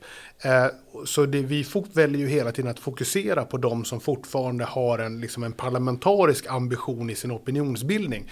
Och det är klart att vi vet vilka grupperingar, om de här två grupperingarna hamnar på samma ställe så finns det en stor risk för ordningsstörningar. Och eh, det är därför de grupperingarna jobbar ju vi, som jag sa inledningsvis, vi följer de där tätt och hela tiden och eh, försöker vara noga med att förklara för företrädare för för de här grupperingarna att så, så, länge ni väljer en parlamentarisk väg så kommer polisen att stötta er. Och när vi kommer, om vi ska återgå till exempel det här med tillståndsfrågan, liksom, det är också en, en viktig sak att om det är viktigt för ditt gäng att ni ska använda en speciell marschväg och en speciell avslutningsplats för din demonstration, ja men då är det ganska viktigt att ni söker ett tillstånd för just den marschvägen och den avslutningsplatsen. För annars är risken stor att det kommer någon annan och söker samma tid, samma plats. Och då funkar det så att det är viktigt att komma ihåg, alla demonstrationer, oaktat om de har tillstånd eller inte tillstånd, har samma rättsskydd. De har lika stor rätt att existera i samhället och polisen ska skydda båda demonstrationerna så länge de, de är lagliga. Men om båda två vill stå på samma ställe och den ena gruppen har ett tillstånd, då kommer de att ha företräde till den platsen. Polisen kommer fortfarande att hjälpa den andra grupperingen, men inte att stå på exakt samma ställe. Utan då är det den som har tillstånd som har ett företräde. Och det är ju typ den typen av, av, av diskussioner och samtal vi hela tiden för med de här grupperingarna. Och de som ofta använder det offentliga rummet för att uttrycka sina åsikter, de har ju örnkoll på det här, de vet det här. Det här eh, med det som du företrädde, dialogpolis och, och, och samtal. Eh, hur framgångsrikt är det? Jag anser att det är väldigt, väldigt framgångsrikt. Det, det, finns, det finns många exempel på många miljöer där, där eh, vi har jobbat länge med grupperingar där vi börjar arbetet så är det väldigt ofta väldigt våldsamt, det är väldigt stora ordningsstörningar. Men får vi, och det är viktigt, nu menar jag inte bara dialogpolisen, alltså dialogpolisen det är liksom en del i hur polisen arbetar för att vara demokratifrämjande och demokratistärkande.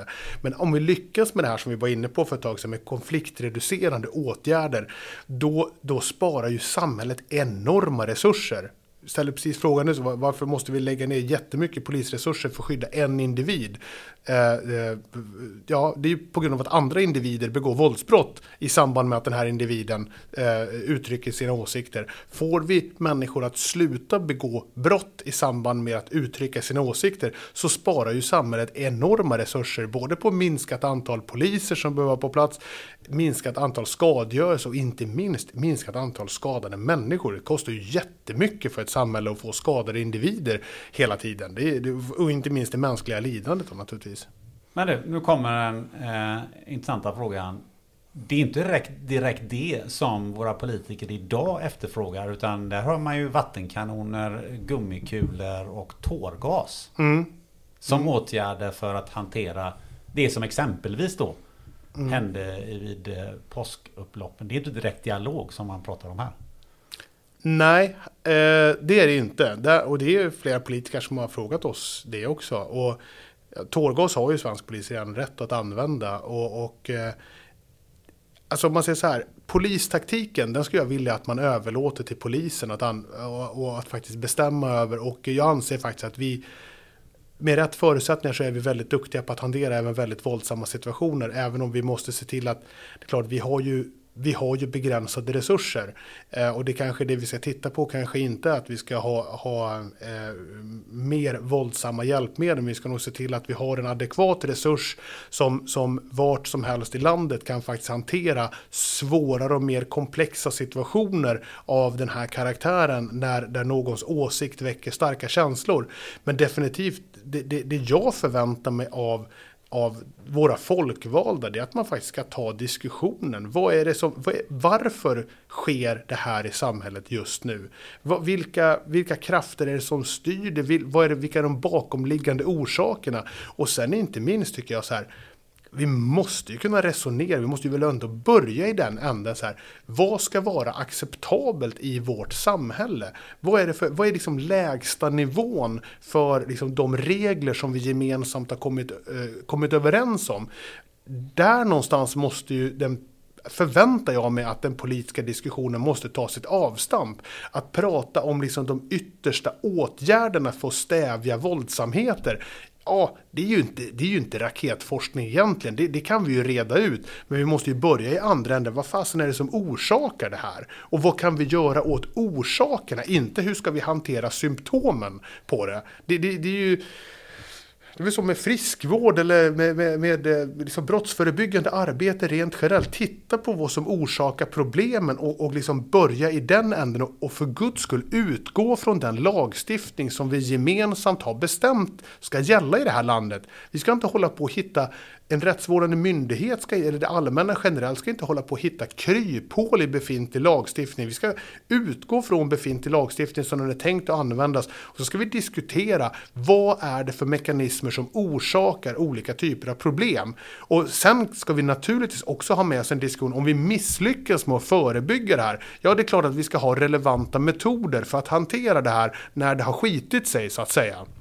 Men, men, men innan vi har kommit dit så måste vi fasen börja i rätt ände och det saknar jag definitivt under det senaste halvåret här i Sverige. Och det, det, är inte första gången jag saknar det heller i den här typen av diskussioner. Utan att så fort det blir liksom, oroligheter någonstans i samhället då, då, då går man direkt på liksom, metodlösningar för, för eh, ordningsmakten istället för att prata om liksom, grundläggande orsaker. Vi kanske skulle kunna hitta betydligt listigare sätt att hantera de här problemen om vi började rätt ände. Det är min bestämda uppfattning.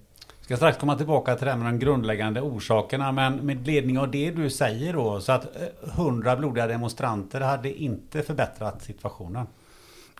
Alltså att, att människor börjar blöda, det, det, brukar väl generellt sett inte gagna någon överhuvudtaget. Sen så får man också tänka på vilken, vilken retorik man använder i, i känsliga lägen. Det finns ju mängder med exempel, i, inte minst här i Europa, där, där, där eh, både ledare och andra politiker har uttalat sig mycket, mycket vårdslöst i sådana här sammanhang. Och det kan ju i sig bara späda på oroligheterna. Men, men jag, jag, jag skulle säga att jag har jäkligt få, få tillfällen där jag kan se att någons blöd blöd, någon som blöder skulle gagna en sån situation. Men om vi går tillbaka till, till grundorsaken. Vad ser du som ju har den här dialogen med de här grupperna och, och, och vad jag förstår får en ganska bred och, och, eh, och, och både bred och djup bild utav vad som försiggår. Var, var ser du grundproblematiken och vad vi kan göra åt den? Alltså först och främst måste vi väl vara faktiskt helt överens om vad, det jag var inne på tidigare. Vad, vad, är, liksom, vad är det för samhällskontrakt vi har i vårt samhälle? Vad, vad är det vi, eh, vad, vad, är det vi eh, alla skriver under på ska gälla i vårt samhälle. Min personliga uppfattning är att respektera vår egen konstitution, alltså vår egen grundlag, i det här fallet regeringsformen. Det känns för mig som en ganska rimlig utgångspunkt och börja diskussionen. Att, för, för, det är någonting som, det är inte bara liksom någon form av, all, det, är, det är inga trivselregler på jobbet direkt vi har kommit överens om. Det här är ju för tusan våran egen grundlag. Det är, det är det här vi, hela vårt rättssamhälle vilar på. Jag tycker att det känns oerhört rimligt att börja eh, diskussionen där och se vad, vad, vad, kan vi kräva av människor i vårt samhälle eh, utifrån de gemensamma bestämmelserna som står i vår egen författning. Är det då ett problem med att man inte gillar de här bestämmelserna eller att man inte känner till dem? Det är ju ganska, det är ganska lätt att förklara dem tycker jag. Så det är klart att det allmänna har väl alltid en upplysningsplikt även om det faktiskt enligt svensk rätt är så att eh, du har en skyldighet att förstå lagstiftningen i vårt land. Man kan, man kan oerhört sällan hävda någon form av rättslig villfarelse som grund för ansvarsfrihet om man har hittat på rackartyg på stan. Så att du, du ska ha koll på vad lagstiftningen säger.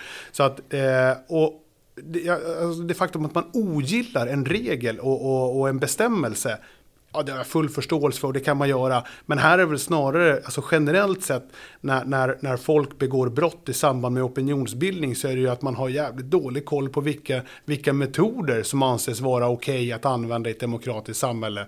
För hot och våld, det har vi kommit överens om. Det är ingen, det är ingen tillåten och accepterad väg. Och, och där måste vi liksom hela tiden börja med att titta på, alltså de som gör fel i, i, i ett sådant sammanhang, det är de som begår brottet.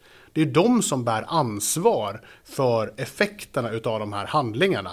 Vi, vi, har inte ett rättssamhälle som säger sig, men jag blev så provocerad så jag var tvungen att slå sönder en polisbil. Nej, det, det är inte de reglerna vi har. Och det måste vi vara väldigt tydliga med, det måste vi kunna diskutera. Men gör vi inte det? Diskuterar vi inte det då? Om det är så att det diskuteras så har jag missat den delen av debatten och jag följer den debatten ganska noga. Okej, okay, men vad ska vi göra då eh, istället? Ska vi gå ut i skolorna och, och diskutera Eller var, var någonstans ska vi diskutera och hur ska vi diskutera det? Eh, eh, naturligt, jag tycker det är en superbra grej att vi diskuterar i skolorna inte minst. För jag menar, det, någonstans där så, så, så, hjälper vi ju varandra och eh, komma in och förstå ett samhälle som, som, eh, som det är tänkt, som vi gemensamt har beslutat att vi vill att vårt samhälle ska se ut. Så skolan är väl ett jättebra tillfälle. Och, och är det så att eh, som alltid, om, om inte barn får med sig hemifrån vad, vad, vad som gäller i ett samhälle så det är klart att det, det allmänna måste kliva in och hjälpa till där. Men man ska inte glömma bort heller liksom att hur vi pratar med varandra i bekantskapskretsar, på arbetsplatser, i skolor, i familjer och så vidare. Det är väl där någonstans vi måste försöka hitta någon form av gemensam värdegrund. Och det är svårt. Vi är 10 miljoner människor, tror vi, i det här landet. Vi har inte räknat folk på ett bra tag i det här landet. Men, men vi säger att vi har dryga 10 miljoner. Det är klart att inte alla kan skriva under på liksom allt vi tycker likadant. Men det är ju därför vi har ett sånt rättssamhälle som vi har. Och, och, och någonstans det vi inte kan backa ifrån, det är ju liksom den, den mest grundläggande värdegrunden i det här, formet, vår, i det här fallet våran grundlag. Den kan vi liksom inte, vi kan inte börja göra egna tolkningar där. Vi kan inte börja sätta oss över att men jag tycker det här är så fånigt så att jag anser att, eller det här är så provocerande så jag anser mig ha rätt rätten att bekämpa den här åsikten med våld. Alltså, det, det, kan vi aldrig någonsin acceptera för då har vi inte längre någon rättsstat. Då har vi liksom inte längre någon, någon, någon, någon då kan vi inte det allmänna upprätthålla och garantera ordning och, och säkerhet. För, för menar, då, då kommer vi in på det här att vi börjar värdera åsikter. Vilka åsikter är rätt och vilka åsikter är fel? Och man ska ha jäkligt klart för sig att kan man börja förbjuda åsikter i ena änden av skalan så kan man lika gärna börja förbjuda åsikter i andra änden av skalan. Och innan vi vet ordet av, då har vi minskat den här skalan av tillåtna åsikter väldigt, väldigt markant. Och det finns flera exempel i världen där länder har gjort så och det är inget land som jag vill leva i i alla fall. Alltså demokrati är inte på något sätt enkelt eller smärtsamt smärtfritt. Det är jäkligt krångligt och det kan ibland vara riktigt påfrestande. Men, men alltså att börja förbjuda åsikter i ett samhälle för att skydda demokratin, det är för mig en infantil och ganska korkad uppfattning. För att du kan, du kan inte bevara en demokrati genom att själv bete dig odemokratiskt. Det går inte. Det, är helt, det faller på sin egen orimlighet. Det finns ju en hel del människor i Sverige som kommer från samhällen som du precis eh, beskrev. Mm. Hur hjälper vi dem? Det vore, för det första så vore det väl jäkligt tragiskt om de har flytt från ett sådant samhälle. Att vi själva låter vår egen samhällsutveckling gå åt det håll så att det nya samhället de har sökt skydd i blir precis som det de flydde ifrån. Det är ju definitivt inte att hjälpa dem. Eh, ja, men alltså en tydlighet från samhället. Jag var inne på det tidigare när vi pratade om att polisen ska liksom vara transparent och förutsägbar. Hela vårt samhälle måste ju vara förutsägbart. Återigen, det här är inte jättesvårt. Det är inte jättesvårt att förstå liksom, hur man ska följa lagen. För vi pratar fortfarande inte om boggitryck på en båtsläp eller, eller liknande. Utan vi pratar liksom att du får inte slå folk på käften för att du tycker att de uttrycker sig felaktigt så länge de inte begår brott. Alltså, det är inte jättesvårt att förstå det. Och, och det, där tycker jag att samhället, vi kanske måste bli, eller kanske, vi måste bli tydligare. Och vi måste kunna börja prata om rotorsaker till varför saker och ting händer i samhället. Inte springa direkt på, på, på, på taktiska lösningar. Som avslutning, det är ju val snart. Mm. När vi sitter här. Nu är vi i mitt i juni, eller slutet på juni. Um, vad skulle du vilja säga till eh, politikerna här i eh, valrörelsen? Våga prata om sakfrågor. Dis, alltså, eh, våga prata om de problem som era väljare ser som problem. Eh, försök inte tiga ihjäl några sakfrågor på grund av att ni upplever dem som obekväma. För det enda som kommer att hända då att om ni som våra förtroendevalda inte vågar prata om vissa frågor, då tappar ni helt kontrollen över de frågorna och då är det någon annan som kommer att göra ett nummer av det. Så att ta, ta de sakfrågor som era väljare vill diskutera och diskutera dem. Håll inte på att etikettera era politiska motståndare med, med, med olika politiska färger eller liknande, utan diskutera sakfrågor. Försök vara lite mer färgblinda och lägg inte in så mycket känslor i det här utan diskutera sakfrågorna och försök hitta varaktiga lösningar som funkar för så många som möjligt.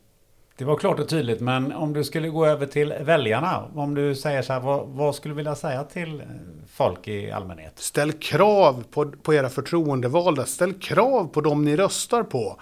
Alltså, det är det demokratin bygger på. Kommunicera med dem som vill ha era röster. Ställ krav, tala om klart och tydligt vad ni som väljare vill. Alltså, vi måste förstå att vi har en otrolig makt i en demokrati. Det är vi som bestämmer vilka som ska ha majoritet på Helgeandsholmen i, i mitten på, på september i år. Det är vi som bestämmer det. Vi gemensamt bestämmer det. Och var tydliga med, om ni tycker att de som ni vill rösta på inte tar upp de sakfrågor som är viktiga för er, tala då om det för politiker. Det är deras skyldighet att lyssna på oss, deras väljare. Mm, klart och tydligt det också.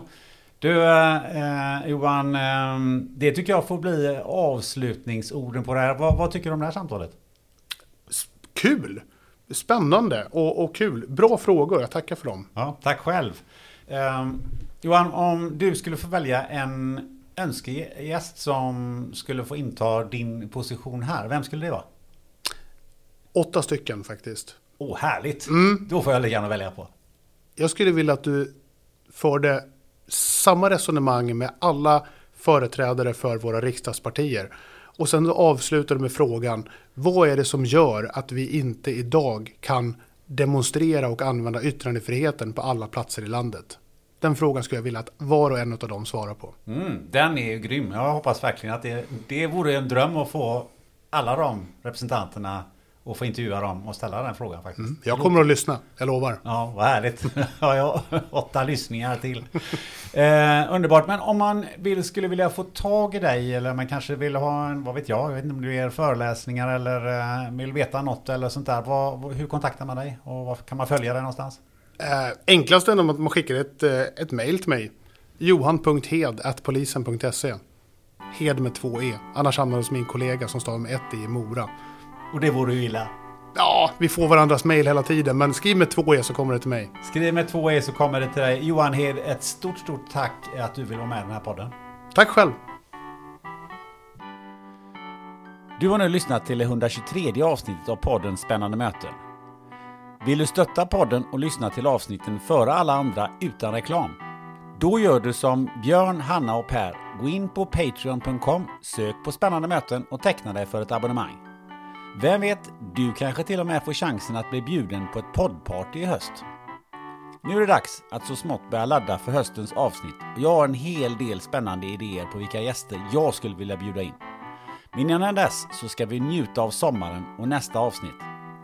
Podden gästas av ingen mindre än Jörgen Persson, en av Sveriges absolut största pingisstjärnor genom tiderna.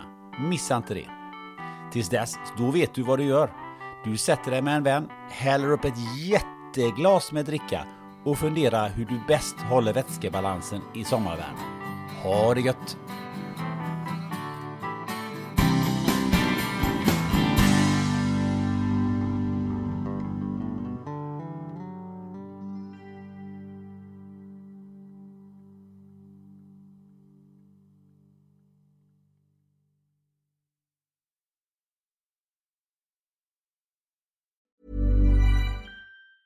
Planning for your next trip?